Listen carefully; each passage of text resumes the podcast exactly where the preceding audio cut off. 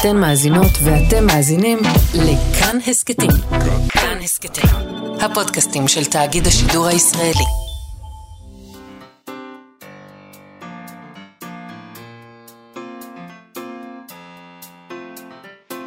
מה שכרוך עם יובל אביבי ומה יעשה לה.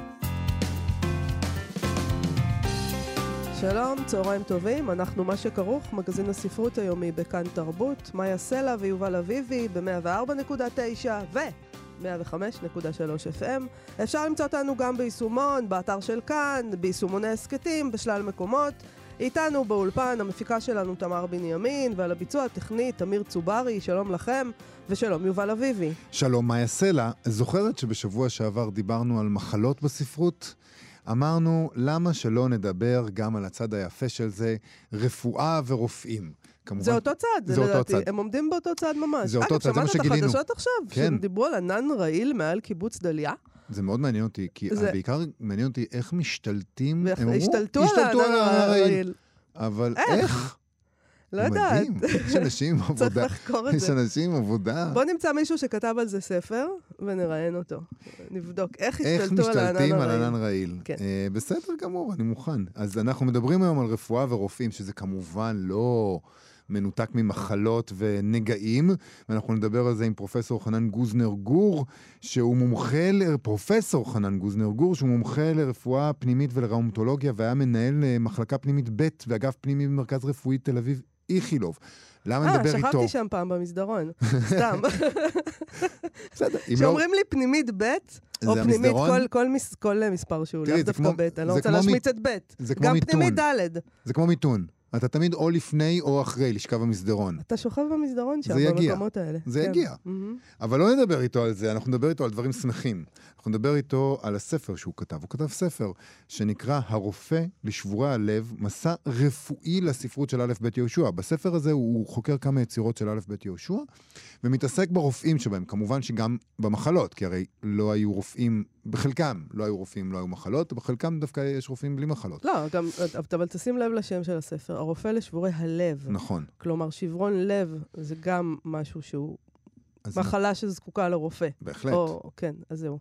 אנחנו נדבר איתו על, ה... על, על כל העניין הזה. מה זה אומר להשתמש? מה זה אומר שיש... עכשיו, מתברר שכאילו, אתה, כשאתה קורא, לא, לא שמתי לב לזה, אבל כשאתה קורא את הספר שלו, אתה מבין ש... א' ב' יהושע מאוד מאוד אוהב רופאים, זאת אומרת, הוא מאוד מאוד אוהב להשתמש בדבר הזה. כל הזמן מופיעים אצלו רופאים. למה? מה הוא מצא? מה, ה... מה הכיוון הכללי? אנחנו נשאל אותו את כל הדברים האלה, ונדבר גם עם צור שייזף שלנו בפינתו דרך הספר. נדבר איתו ככה... על ערבות רוסיה? על ערבות רוסיה, mm. זה לאור המצב. כן. אה, אמרנו שנתעסק בזה. נכון. לפני כל הדבר הזה, אנחנו רוצים לדבר על שיא חדש בגיוס מימון המונים באתר אה, הקיקסטארטר. מיזם חדש באתר ניפץ את השיא הקודם, נכון לאתמול. פחות uh, משבוע אחרי שפורסם לראשונה, גייסו שם קרוב ל-25 מיליון דולר מיותר מ-100 אלף תומכים בפרויקט. הדבר המדהים הוא שאנחנו לא מדברים על גיוס של משהו טכנולוגי, אפליקציה חדשה וזה, אלא אה, ספר. ספר. ספר שגייס 25 מיליון דולרים. כן, השיא הקודם היה שייך לאיזה שעון או משהו כזה, שגייסו שם איזה 20 מיליון, והוא פשוט לא, לא ראה את השעון הזה ממטר, עבר אותו, השאיר לו אבק. איך, מה, איזה עוד מטאפורות יש לדבר הזה?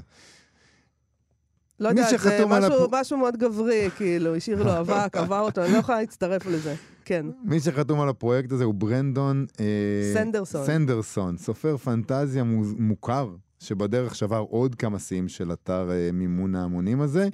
אה, הוא התכוון לגייס מיליון דולר תוך 30 יום. זה היה הכוונה שלו. הוא אמר, נעשה פרויקט של 30 מיליון. צריך, כשעושים גיוס המונים, אז נותנים יעד, כמה אתה רוצה לגייס, ותוך, אה, ואת הימים. מיליון ואז... דולר ב-30 יום, הייתי אומרת שהוא מגלומן. בהחלט. לא הייתי מתארת לעצמי. ספר.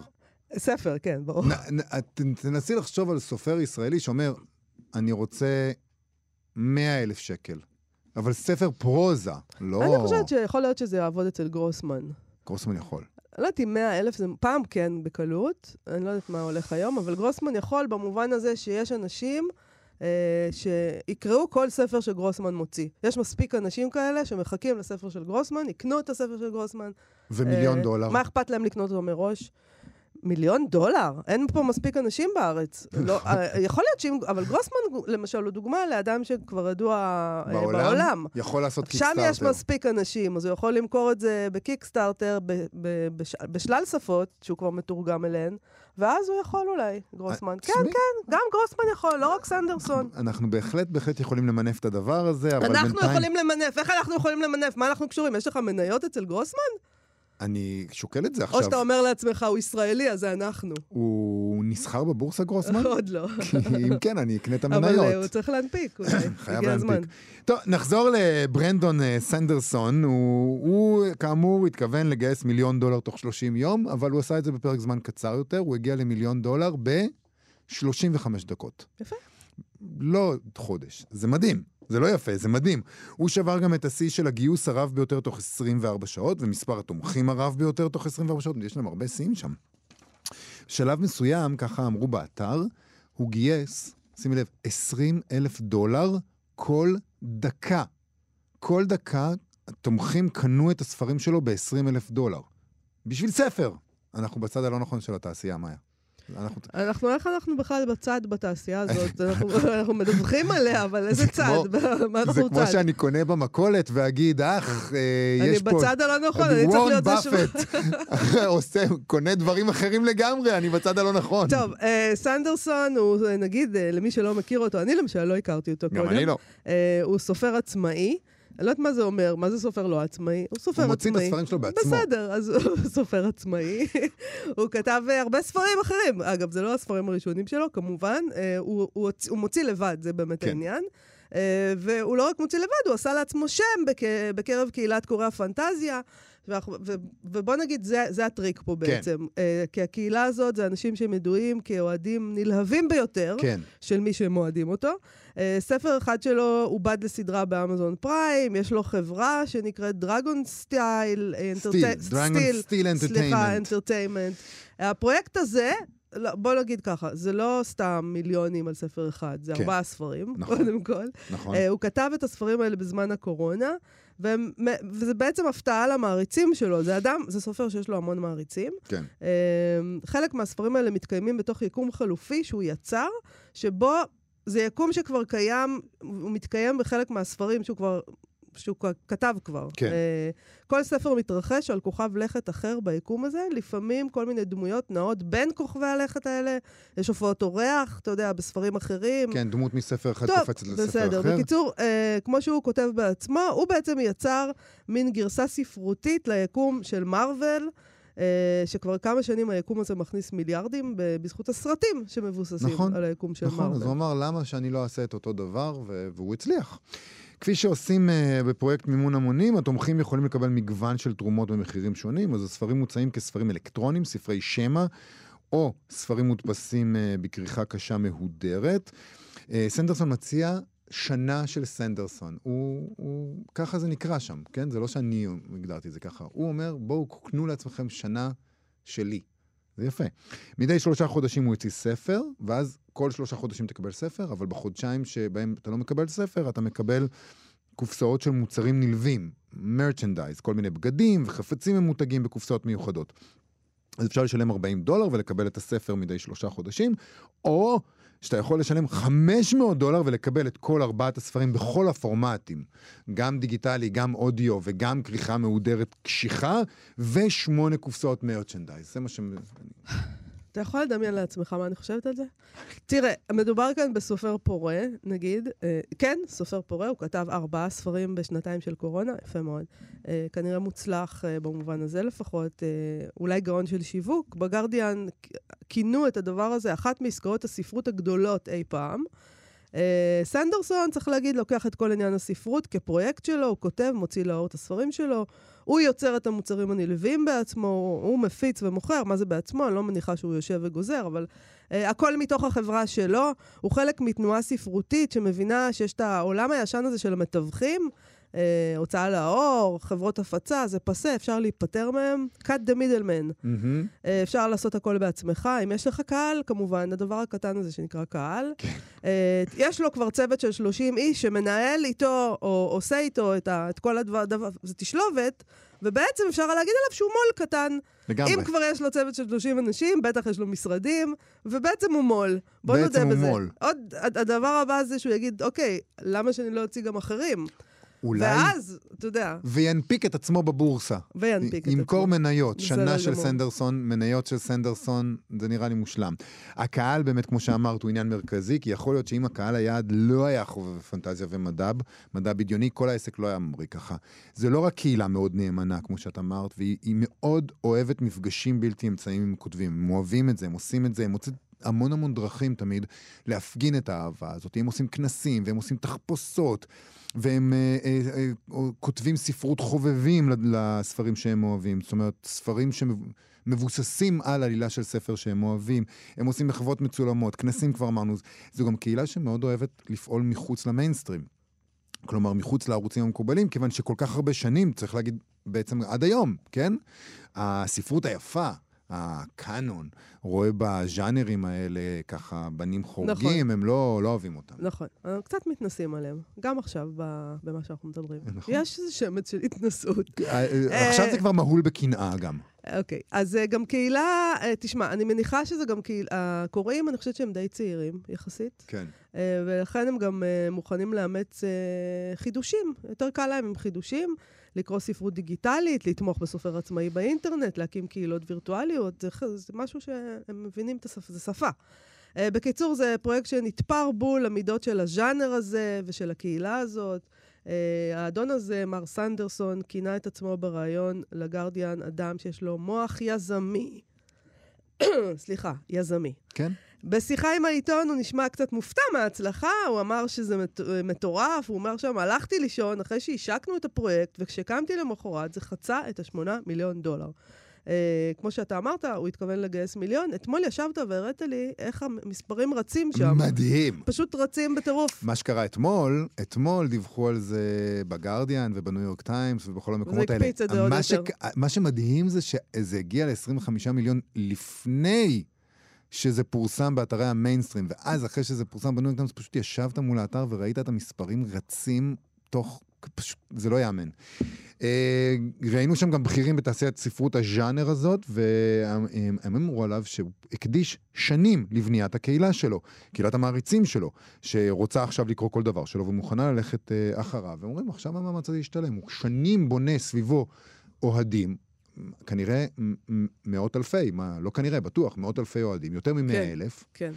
ועכשיו הם אה, משתלם לו. טוב, אז אה, רק נשאר לראות אה, אם זה- אם הספרים האלה טובים, או שזה לא, לא, זה משנה. לא, לא, לא אוקיי, חשוב. בסדר, תתמקדי לא. בעיקר, כסף. טוב.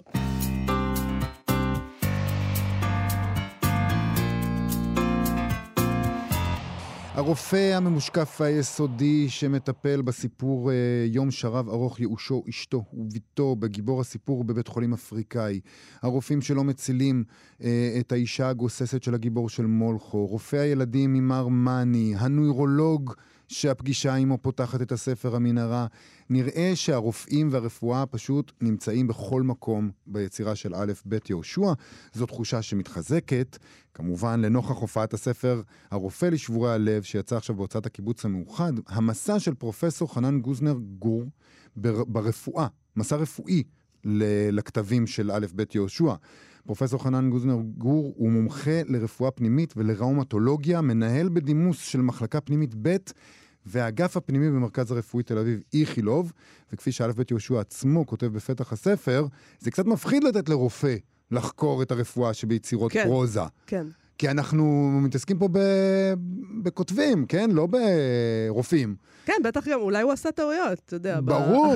ורופא, כמובן, כל הטעויות uh, קופצות, מזדקרות לנגד uh, עיניו. אם היו כאלה, כמובן. עוד אנחנו מעט לא יודעים, אולי עוד א' מעט. ב' יהושע עשה תחקיר טוב. שלום, פרופסור חנן גוזנר גור. שלום רב. קודם כל, אה, מה פתאום רופא בכיר, אחרי קריירה מפוארת, הולך פתאום ועושה, ועושה מחקר בספרות? טוב, אה, זה לא שולל. אה, ספרות תמיד אהבתי, אפילו אני אגלה לכם סוד, אה, בי"ב בתיכון התלבטתי מה לעשות, האם להמשיך לכיוון ספרות והיסטוריה, אבל אז כל בני המחזור כמעט הלכו לעתודה אקדמאית, חלקם להנדסה, חלקם לרפואה, ובחרתי ברפואה כמקצוע, אני לא מצטער על זה, אני חושב שזו הייתה החלטה טובה, עזרתי להרבה אנשים, ואת האהבה לספרות שמרתי כל העת. כשהגעתי לשלב של פרישה, והיה לי שבתון פרישה גם באוניברסיטה, החלטתי שבמקום לעשות עוד איזה ניסוי מעבדתי ולטפטף אה, חומרים למבחנות, אני אקח כיוון אחר ואני אחפש את הקשר בין הספרות לרפואה. ולמזלי אה, פגשתי את אה, פרופסור אבנר הולצמן, שהסכים להדריך אותי. ואחרי שמצאנו את הדרך בניסוי וטעייה, מה אנחנו בעצם רוצים לעשות, למפות נושאים רפואיים וכולי, יצרנו את הפרק הראשון של אה, המנהרה, שבאותו זמן קראתי את הספר, יצא אז בדיוק ב-2018. אה, פרופסור הולצמן הראה את זה לבולי, לאלף בית יהושע, כן. שהתלהב ואמר, תמשיכו, וככה זה התחיל. תגיד, אה, כשקראת לאורך השנים את היצירה של א' ב' יהושע, כרופא, כרופא שאוהב ספרות. שמת לב לזה שכל הזמן מופיעים אצלו רופאים בספרים, או שפתאום זה נחת עליך רק כשהגעת לחקור את הנושא הזה עכשיו? זאת אומרת, כי אני חייב להודות שראיתי את הספר שלך, ופתאום אמרתי לעצמי, אה, נכון, באמת, כולה, זה לא שהייתי יכול להגיד, הייתי, הייתי עולה על זה בעצמי, הייתי צריך את ההכוונה הזאת. אני תוהה אם ידעת את זה לאורך השנים כקורא. התשובה היא חד משמעית לא, ואני חושב בכלל ב, בכל נושא של התמקדות במחקר או בעיון, לפעמים אתה מסתכל בפילטר מסוים. אני משוכנע שאם אה, אה, ניתן גם לקחת אה, ספרות של עגנון למשל, ולחפש נושאים רפואיים, ופתאום אתה תמצא את הרופא וגרושתו, ואת הספר שירה שמדבר בכלל על אה, חולי הצרעת, נכון? ואחות נכון. כדמות ראשית בבית החולים שבו היא עובדת, ועוד ועוד. אה, ועניין של התמקדות, ובאמת בספרי כתבתי שיש כאן, אה, אני הסתכלתי בחומר הספרותי בפילטר רפואי, כלומר, אני התעלמתי לפעמים מעוד חלקים אה, ב, ב, בספר או עוד אה, משמעויות, למשל פוליטיות, דיברתי על זה למשל במנהרה, שחלקים שלמים שם שהם בעלי משמעות פוליטית, אה, לא הכנסתי אותם לספר, ואז כשקוראים את הפרק שכתבתי, ניתן לחשוב שכל המוקד זה רפואה. כן. תראה, יש ספרים שבאמת המוקד זה רפואה. שבעה מהודו, כן. חד משמעי, הוא ספר על רפואה, וזה הכי פשוט והכי קל, מבחינה מסוימת. מצד שני, זה הספר הוא הפרק הארוך ביותר, כי בו היה הרבה על מה לכתוב. האם יש, אה, אתה כן. יכול, אה, יש לך איזה מין מסקנת על כזאת לגבי סוג הדבר הזה שא' ב' יהושע עושה? אה, למה הוא הולך לשם, לרופאים ולרפואה? איזה סוג של רופאים? מה זה הדמות הזאת של הרופא? מה היא מסמלת אצלו? תראי, אני לא יודע מה הוא חושב, אני יודע מה אני אה, אה, לפחות אה. אני הבאתי, וגם בדברי הסיכום שלי לספר, אני אומר שדמויות הרופאים אה, המשולבות בסיפורים ובספרים, יש ביניהן רבות יהירות, יש ביניהן רבות של היעדר נדיבות רוח, תחרות וכדומה, ומצד שני כאנטיתזה לדמויות הללו, ישנם גם רופאים טובים. אה, בנג'י בעצמו, אה, עם כל התמימות שלו, הוא רופא אידיאלי במרכאות, כמו שהוא מתואר שם. משה מאני, הרופא איש ירושלים, הוא רופא מקסים. הרופא אבו מר במסע אל תום האלף הוא רופא אנושי ומסור. אה, דוקטור דינה לוריה במנהרה היא דמות מופת של אה, רופאה אה, טובה ואידיאלית.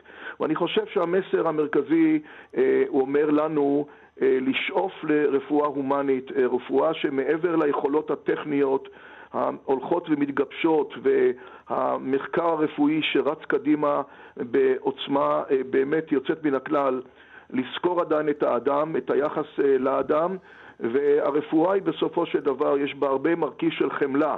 ואני נותן עוד, מוט... עוד, אני מסכם לעצמי עוד מוטיב אחד חשוב שאני למדתי מהסיפורים והספר, זה החמלה, ואני מביא את אה, מולכו למשל, כדמות שהיה עליו הרבה ביקורת אה, ספרותית על האישיות שלו, על הקטנוניות שלו, ואני אוהב אותו, את מולכו. אני חושב שיש בו חמלה גדולה. וזה מתבטא בחמלה שלו, למשל, על העיירה. בכלל, כל, כל הדמות שלו היא דמות של כל אדם שניתן להזדהות איתו, דווקא על, על, על, למרות אה, הפגמים האנושיים שבו.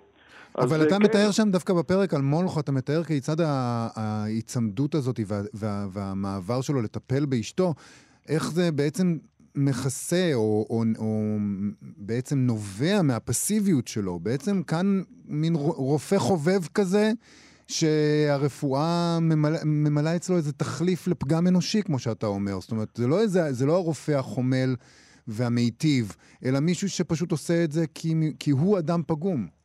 אה, זה ניתן לפירוש, כך. אני לא חשבתי כך, אני גם לא, לא, לא, אני לא חשבתי כך. כן. אני חשבתי שהוא גם לא היה רופא, אני חשבתי שהוא, אה, קראתי לו דמות המטפל. כן. אה, המטפל, כלומר זה הבדל מרופא, הוא, הוא היה מטפל.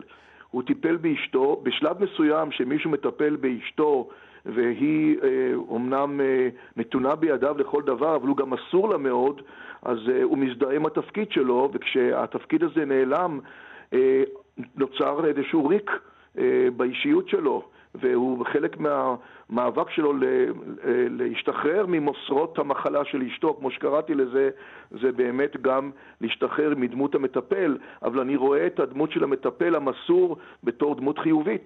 לא כל אחד מוכן להתמסר ולטפל אה, לטפל באישה חולה עם גורות על כל הקשיים ובמסירות נפש כמו שלו.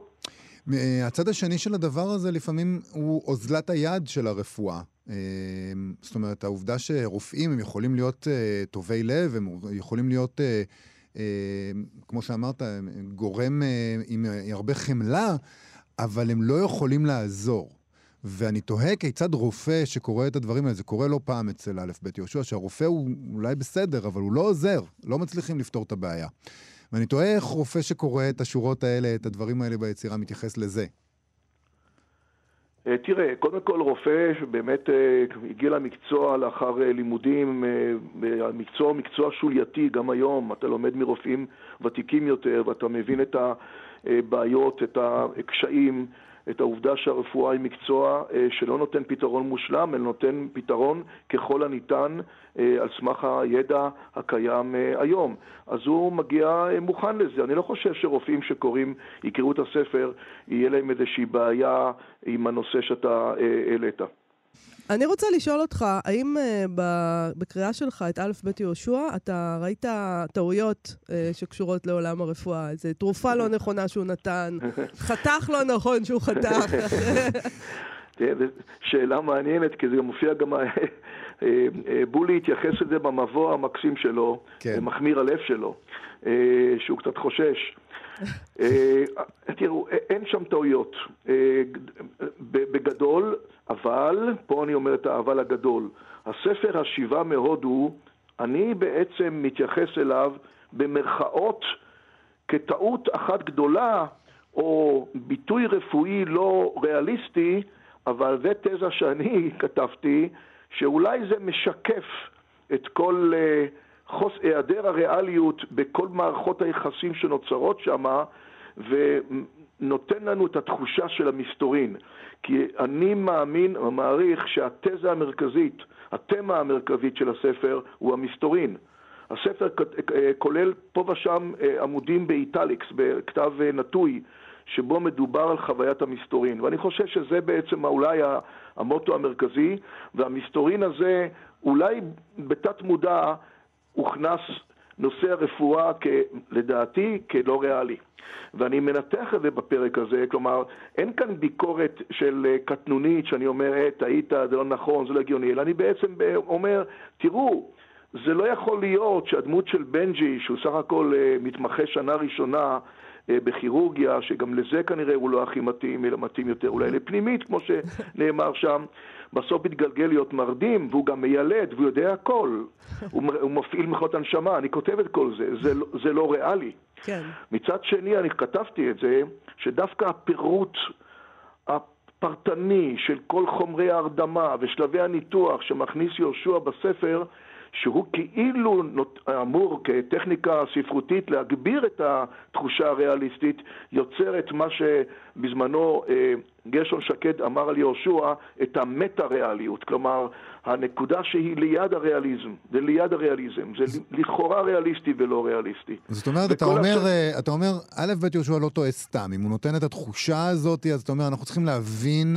למה הוא נותן לנו את ה... אני אומר שזה חלק מה... אני לא מנס... איך אומרים? קטונתי מלהיכנס אה, למה הוא תכנן ומה הוא חשב. אני אומר, היום כשאני מנתח את זה, אני רואה את זה כחלק ברור שהרפואה הלא ריאליסטית, ונדמה לי שכך קראתי לפרק הזה, אם אני מנסה לשחזר לעצמי איך הוא נקרא, הפרק קרוי, הרפואה הלא מציאותית כהשתקפות לסיפור האהבה הבלתי אפשרי בשבעה מהודו. אני חייבת להגיד שאני גם זוכרת uh, שיחה, ש... יכול להיות שאפילו אנחנו דיברנו פה עם uh, פרופסור מנחם פרי, שהוא העורך של אלף בית יהושע. כן. Uh, שהוא עורך מאוד מאוד דקדקן, והוא סיפר איזה סיפור על העריכה שלו שקשורה, שקשור למנהרה. ולאיזה עניין רפואי שם, mm-hmm. שהוא אמר לו, זה כן יכול להיות, זה לא יכול להיות. כך שאני באמת לא נראה לי ש... יש טעויות גסות אה, לא, בהקשר תחקיר, הזה. היה תחקיר טוב. אגב, כן. הוא קרא את כל הספר, בולי, נכון? הוא אמר לך מה הוא חושב על הממצאים שלך? אני אומר לך איך זה קרה. אחרי הפרק הראשון, שהיה המנהרה, אה, המשכנו במסע, מיפינו איזה, מה כדאי, כי יש, תראי, אני גם מזכיר את זה בספר, שישנם עוד ספרים שמוזכר נושא הרפואה. סתם דוגמה, שלושה ימים וילד, בנובלה הזאת, יש שם קטע עם הילד החולה, עם החום וכולי.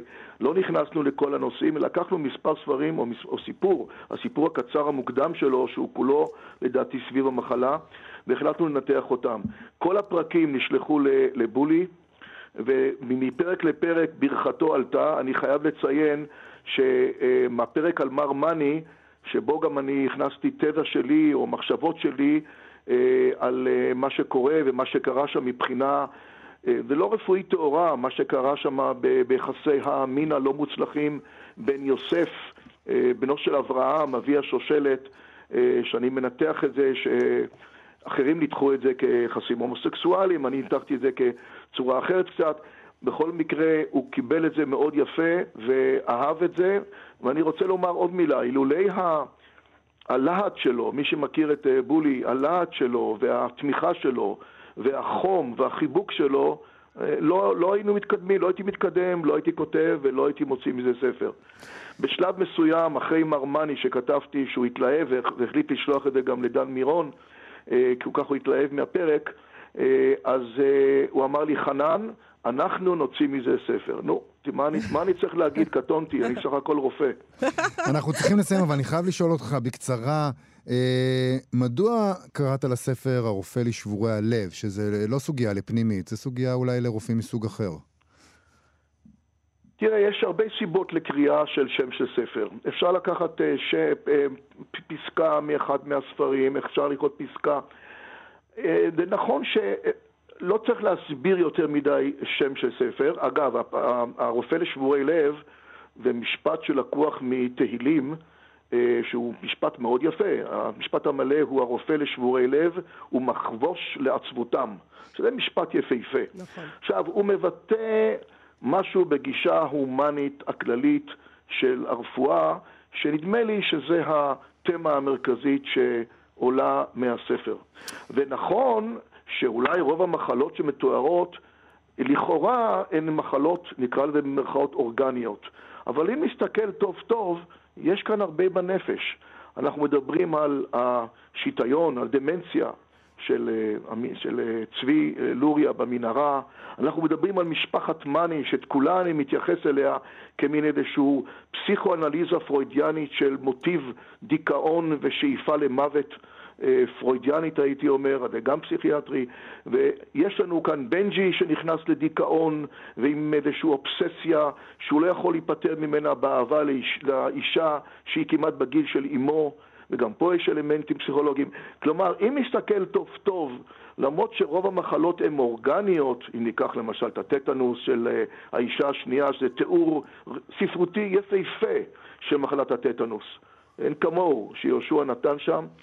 אה, בהרבה מחלות אה, אנחנו, והרבה תיאורים בספר, הנפש היא חשובה, ולכן אני חושב שהשם הוא אה, מבטא יפה את הספר. הרופא לשבורי לב, מסע רפואי לספרות של א' ב' יהושע, פרופסור חנן גוזנר גור, תודה רבה לך על השיחה הזאת. תודה לכם. תודה. להתראות. עכשיו, דרך הספר. מה שכרוך, מגזין הספרות היומי של כאן תרבות. אנחנו עם צור שייזף בפינה שלו דרך הספר, שבה הוא מדבר איתנו על ספרי מסעות. היום ברוח המערכה, רוסיה-אוקראינה, אה, שלום צור שייזף. אז היום אנחנו בצד של רוסיה, אני מבין. נכון, אנחנו מדברים על סיביר היום, אני מבינה, ואני רוצה לספר לך משהו. אבא שלי היה מאיים עליי כשהייתי ילדה. אה, אם תתנהגי ככה, אני אשלח אותך לסיביר. אל תעשה כזה פרצוף, יובל. היה לנו חוש הומור במשפחה וכולנו מאוד צחקנו. רגע, לא, אבל התדהמה שלי... העניין כן, הוא סליחה. שסיביר זה היה מן המקום של העונש. כאילו, אני אשלח אותך לסיביר, ואני זוכרת את הפעם הראשונה שפגשתי פה בארץ, מישהו, שאלתי אותו, מאיפה אתה? עולה חדש, כאילו, עולה, עלה מתישהו. מסיביר. והוא אמר שהוא הוא נולד בסיביר, וזה היה, ממש, הסתכלתי עליו, מה? סיביר? זה, מה עשית? זה מושבת עונשין. אבל אני, אני מתעניין באיזה גיל, מאיזה גיל כבר ידעת שסיביר זה שם קוד לעונשין? אני זה- ידעתי מההתחלה, אני הבנתי מההתחלה שאני אשלח אותך לסיביר, זה עונש. אה, וזה היה מצחיק מההתחלה עד טוב, זה הסוף. מה- אל תסתכל עליי כאילו אבא שלי התעלל בי עכשיו. חס זה לא וחלילה, זה. זה לא מה שאני ניסיתי להגיד, כן, אבל... צור. לפני סיביר- שאנחנו מדרדרים פה. לא, אבל זה לא, קשור. תמשיכו, תמשיכו, תמשיכו. זה- סוף סוף אני רוצה להקשיב לכם. לא, אה, תשמע. יובל פשוט עושה כזה פרצוף אה, פסיכו- של פסיכואנליזה עכשיו, של אוי, לא מה עשו לך בילדות. לא כל המאזינים צריכים לדעת. לצור, אנחנו נספר על יום זה, אחד אבל... אני אכתוב בממואר שלי. איזה איזה איזה נורא זה היה. איזה סיביר אבא שלי עברת. גם היה אומר לי, תלכי לחפש אותי מתחת לפסנתר, וזה גם חשבתי שזה מצחיק, אז זה היה בסדר. זה באמת מצחיק. אני תוהה האם מצאת... היה פסנתר, אבל לא כנף. אבל אם מצאת אותו פעם שמה. אף פעם לא. מה עם סיביר? זה לא, זה לא מקרה שהוא אמר, אני אשלח אותך לסיביר, ואנחנו נכון. רואים את זה בספר שאנחנו נדבר עליו היום, זה לא מקום נעים במיוחד. אה, זה מאוד תלוי. זה מקום, אני חייב להגיד שהייתי בסיביר כמה פעמים, וחציתי עם הרכבת הטרנס-סיבירית כמה פעמים מצד לצד, טרנס-מונגולית, הטרנס-סיבירית, יעדים שונים.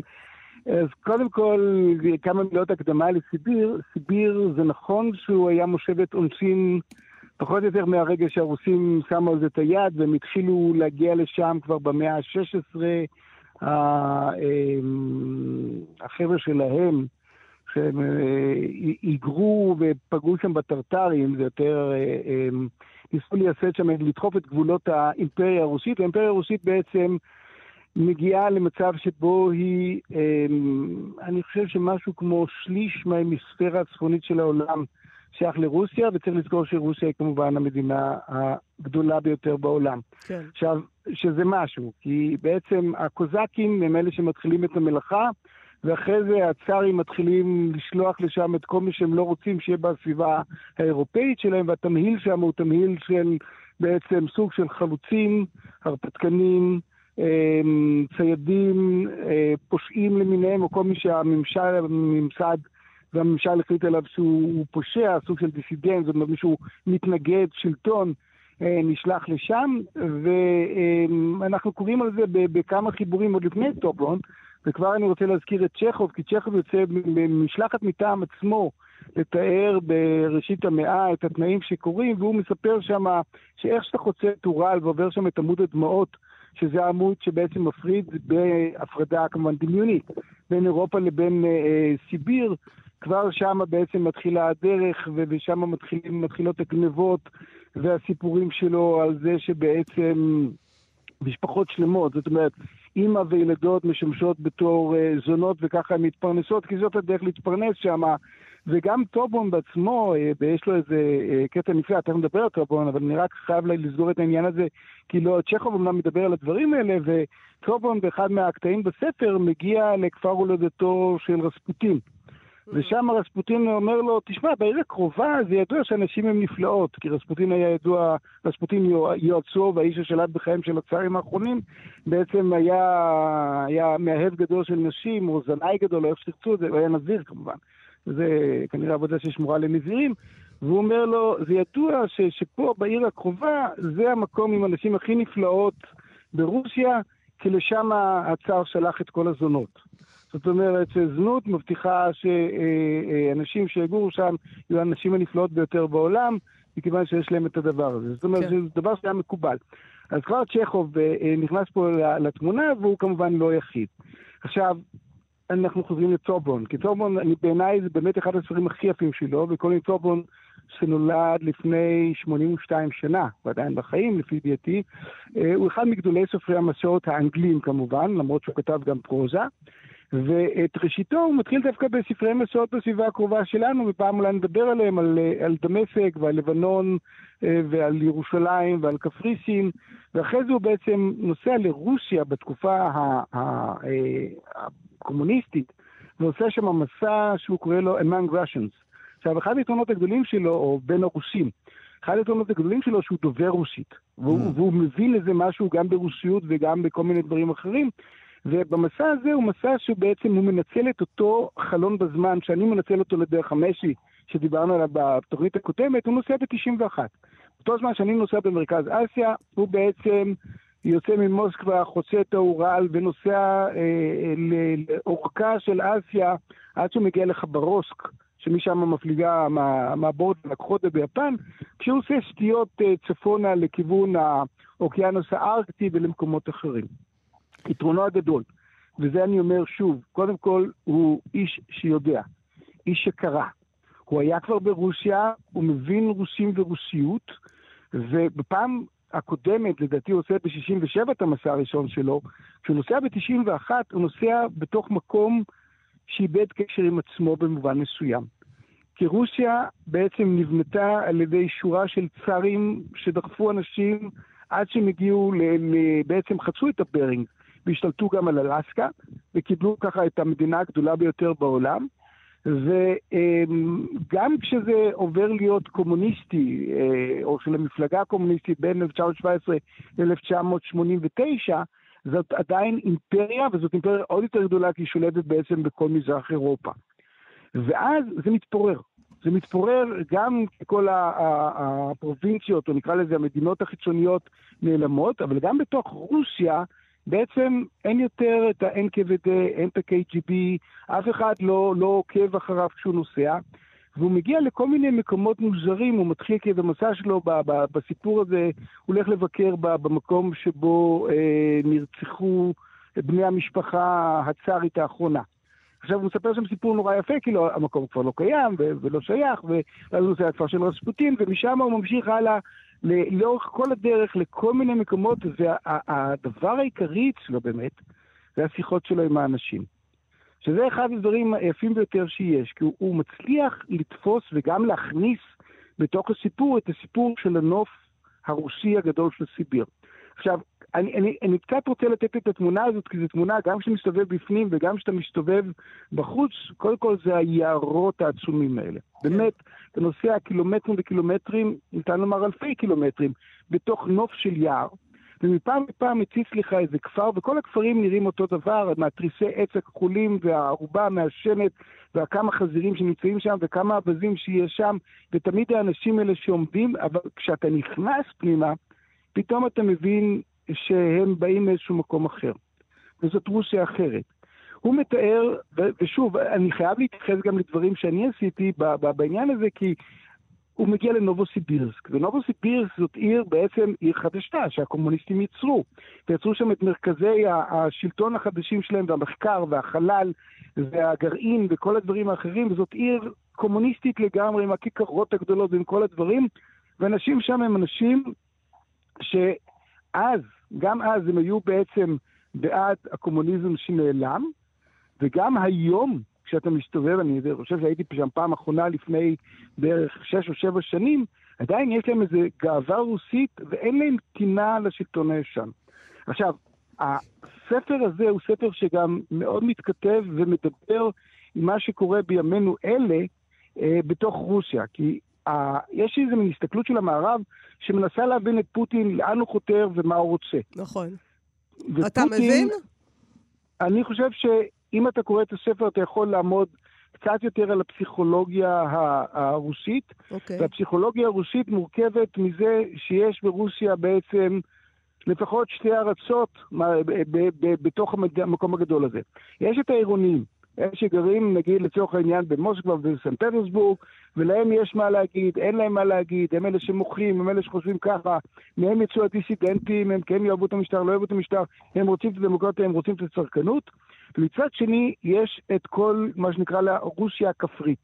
רוסיה הכפרית הזאת היא גם באירופה, אבל היא גם משתרעת לתוך סיביר, וזאת רוסיה מאוד לאומנית, שמאוד לא אכפת לה מכל הדברים האחרים, ומאמינים בגדולה הרוסית. מהמם. וצריך לזכור, הרוסים ייצרו גדולה רוסית. הרוסים הצליחו בכמה מאות שנים האלה להקיף חלק גדול מהעולם ולייצר את כאילו את המקום הגדול ביותר בעולם.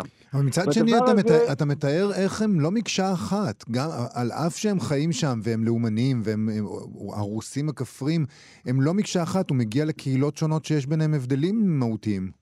ברור, גם כי יש שם עמים שונים. אתה צריך לזכור, ש... אה, או אנחנו צריכים לזכור, שבכיבושה של סיביר דוכאו הרבה מאוד אה, אה, מיעוטים, ויש שם ערים שהן ערים לגמרי לא רוסיות למרות ההתיישבות הרוסית. כשאתה הולך צפונה לטובת כל המחוזות הקפואים, מקומות שאתה יכול להגיע אליהם רק כשאתה נוסע בחורף, אז אתה יכול להגיע בנסיעה.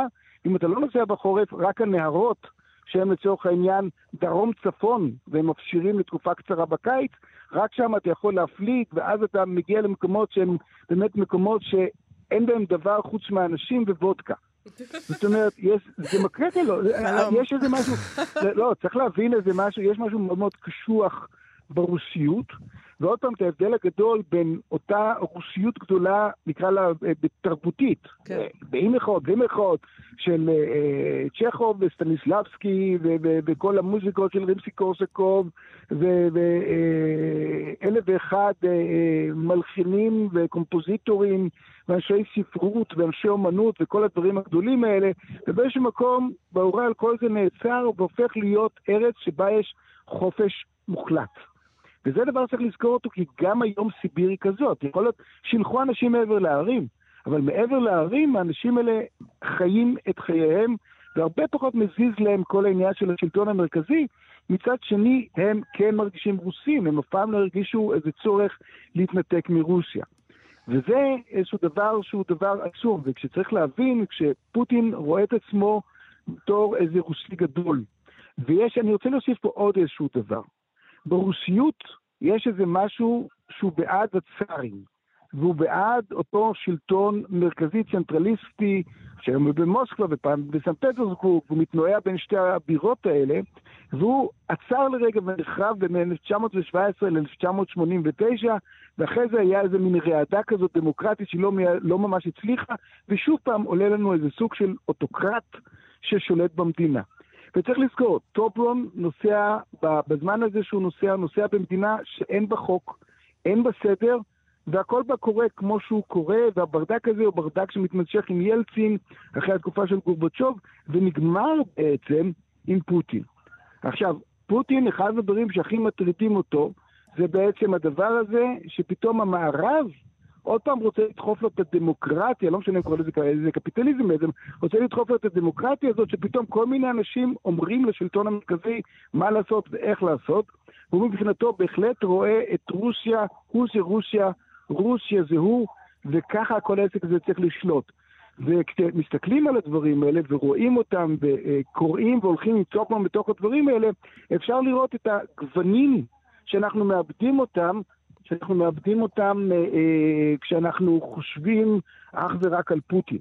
וזה הדבר החשוב, שפוטין הוא אכן המרכז, הוא מאוד מאוד חזק, הוא משתמש בכוח הצבאי שלו, אבל בעצם הוא נאבק עוד פעם נגד כוחות כפי שהוא רואה אותם. כוחות שיפוררו את רוסיה מבפנים. וזאת באמת השאיפה של המערב, לפורר את רוסיה מבפנים, להחליש אותה בתור כוח, ובמאבק הזה צריך לראות את מעמדו של פוטין וגם את היחס האחר. המסע של טופלון הוא מסע שבעצם הולך מלמטה, הולך נקרא לזה בדרכי העיכול של רוסיה, הולך ברחובות. הוא, הוא בכל זאת צריך לזכור שטופלון, ובזה אני מזדהה איתו לגמרי, הפוליטיקאים פחות מעניינים אותו, לא אכפת לו מהפוליטיקאים, הוא רוצה לשמוע את האנשים, הוא רוצה לדעת מה קורה עם החיים, מה קורה עם ההתפוררות ומה נשאר אחרי ההתפוררות של הקומוניזם. ואני אומר שוב, לקרוא את הספר הזה, להסתכל על התקופה הנוכחית להבין מה קרה בין 91 ל-2022, 31 השנים האחרונות, ולהבין שאנחנו עברנו איזו תקופה של שקיעה, ברדק, ורוסיה, עד כמה שזה נשמע מוזר, נכנסת עכשיו למלחמה הזאת, כשהיא נמצאת במקום שונה לגמרי מאיפה שהיא הייתה. שצריך להוסיף לזה עוד איזשהו דבר. טובו מסיים את המסע שלו בעצם בחברוסק, בסוף, אבל הוא, והוא לא מתייחס כל כך לסינים, הוא מתייחס מעט מעט, קצת לסינים שמתחילים לחדור ולחפש עבודה בכל מיני מקומות ולתפוס את מקומם של הרוסים, אבל צריך לזכור שבעולם של היום יש לנו סין שלא הייתה שווה כלום ב-1989, הייתה בעצם מדינה בלי תשתיות, בלי תעשייה מסודרת, בלי שום דבר, בלי צבא, צבא מסודר, פתאום יש איזה סין גדולה מצד אחד וחזקה, רוסיה שרוצה לחזור לגדולה, והמערב שמפחד משתיהן, וזאת הסיבה לתגובה האגרסיבית ולכל מערכת הדברים, יכול להיות שאפילו מערכת שגיאות. שהובילו את המערב. אנחנו נמשיך אנחנו לקרוא נמשיך ספרים, לקרוא ספרים אגב, על כי זה, אנחנו- זה גדול עלינו, כל הסין והרוסיה והמערב. אנחנו, מה זה הדבר הזה? אנחנו, עזבו אנחנו אותנו. צריכים לסיים, אבל נגיד רק שבסיביר, דיברנו על בסיביר, של קולין טובון, זה תורגם לעברית על ידי חסיה חומסקי פורט בכנרת זמורה ביטן. מי שרוצה יכול להעמיק שם. תודה רבה לך, צור שזף, על ההצצה הזאת לאיפה הכל התחיל, או איפה הכל ממשיך. תודה רבה. להתראות. אה, טוב, אנחנו חייבים לסיים, אה, אז בואו נודה לתמר בנימין המפיקה שלנו ותמיר צוברי, אה, שניים שעשו איתנו את התוכנית בנאמנות. בואו לבקר בעמוד הפייסבוק שלנו ושל כאן תרבות. אנחנו נהיה פה שוב מחר, להתראות. להתראות.